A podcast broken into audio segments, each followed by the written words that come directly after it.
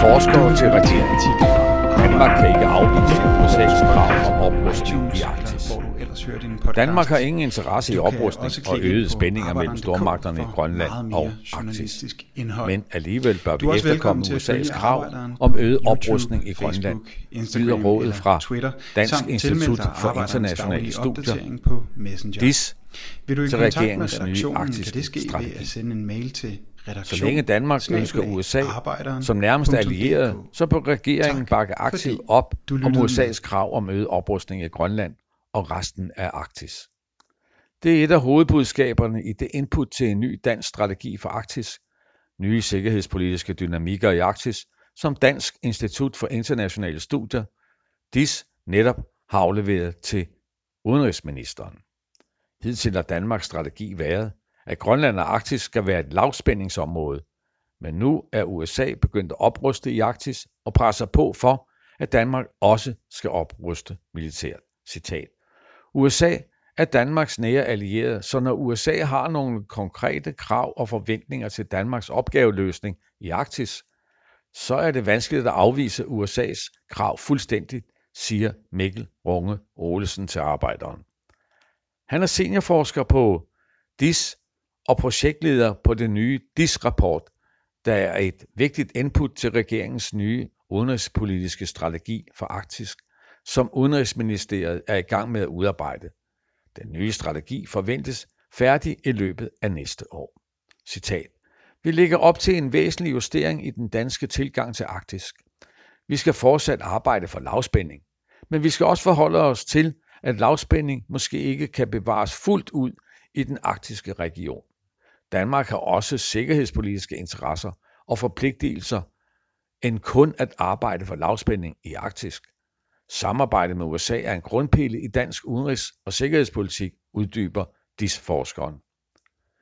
Dansk Institut for Internationale Studiers rapport kommer med en række anbefalinger til regeringens nye strategi i Arktis. Blandt andet må Danmark forholde sig til de nye amerikanske krav og forventninger til primært den militære kapacitet og arbejdede proaktivt med amerikanerne om at imødegå USA's bekymringer vedrørende Rusland og Kina. USA kræver blandt andet, at Danmark investerer i militært udstyr, så man bedre kan overvåge hav- og luftterritoriet i Grønland. Konkret skal Danmark opsætte radarer og sonarer i Grønland, så man kan opspore eksempelvis russiske ubåde og fly.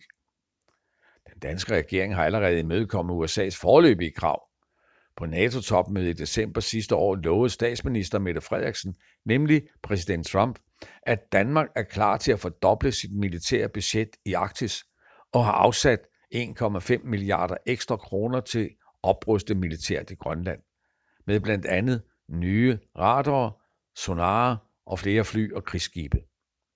Isen smelter i Grønland og resten af det arktiske område. Det betyder lettere adgang til energiressourcer som olie og gas, og sjældne mineraler, der bliver brugt i højteknologiske produkter overalt i verden. Det har ført til en øget rivalisering mellem stormagterne USA, Kina og Rusland, der alle gerne vil have adgang til handelsveje, råstoffer og energiressourcer. Ifølge DIS er Arktis ikke længere et fredeligt område. Der foregår en generel militær opbygning og forøget øvelsesaktivitet i regionen. Det er blevet stadig sværere at holde Arktis fri af de stigende sikkerhedspolitiske spændinger og militære konflikter, som udspiller sig mellem stormagterne uden for regionen, vurderer DIS. Og det må Danmark forholde sig til. Citat.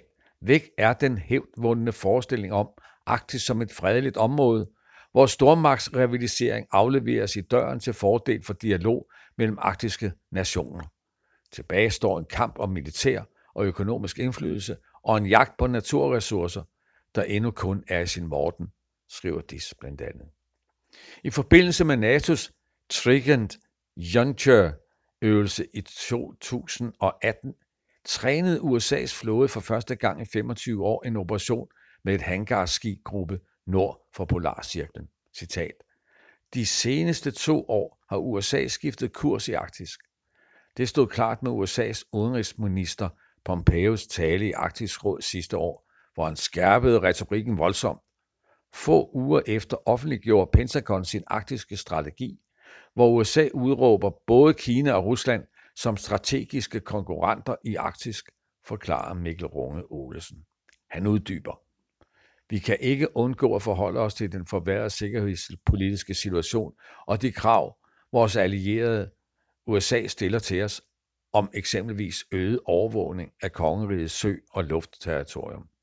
Kongeriget bør arbejde proaktivt med USA om at imødegå deres såvel som kongerigets bekymringer for Rusland og Kina i Arktis. Grønland fik selvstyre i 2019 og fik dermed ret til at forvalte sine egne naturressourcer og til selv at bestemme, hvem man vil handle med. Men det kan give problemer for Danmarks samarbejde med USA, hvis Grønland eksempelvis begynder at samarbejde med Kina og Rusland. Derfor skal Danmark, Grønland og Færøerne opstille fælles røde linjer for udenlandske investeringer i Arktisk og Nordlanden, rådgiver DIS. Citat. Grønland og Færøerne har potentielt store økonomiske interesser i investeringer i infrastruktur og ressourceudvinding og i at sikre sig adgang til de russiske og kinesiske markeder, særligt inden for fiskeri. Hvis disse hensyn kolliderer med kongerigets overordnede sikkerhedspolitiske interesser og alliancehensyn, kan det give problemer.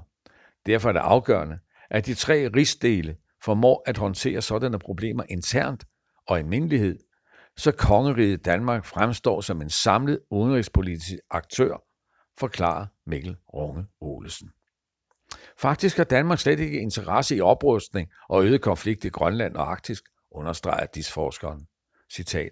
En lille stat som Danmark har meget at tabe ved en stormagtskonflikt i Arktis. Den øgede rivalisering og oprustning er ikke vores interesse.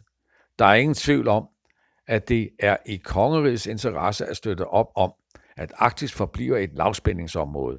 Men når det er sagt, så må vi forholde os til, at udviklingen er, at Arktis som lavspændingsområde er under pres.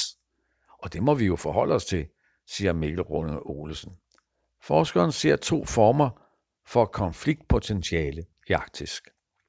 Citat. Det ene handler om selve regionen, eksempelvis konkurrence om dele af den arktiske havbund, om udvinding af arktiske naturressourcer og om adgangen til nye arktiske søruter.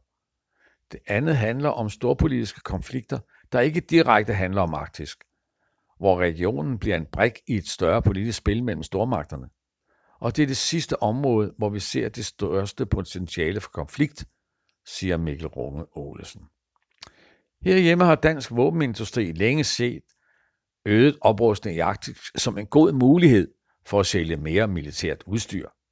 Det gælder eksempelvis Therma, der har udarbejdet en 60 sider lang rapport om mulig anvendelse af satellitter og UAV-platforme over Arktis. Citat. Behovet for øget tilstedeværelse i Arktis, grundet den klimamæssige og politiske udvikling i Arktis, er der behov for, at forsvaret skærper sine kapabiliteter i regionen. På nuværende tidspunkt rådes over inspektionsskibe inspektionsfartøjer og periodevist et Challenger-fly. Men der er behov for øget overvågning og bedre kommunikationsmuligheder, hvis forsvaret skal være i stand til at deploye disse kapaciteter effektivt, skriver Therma AS blandt andet.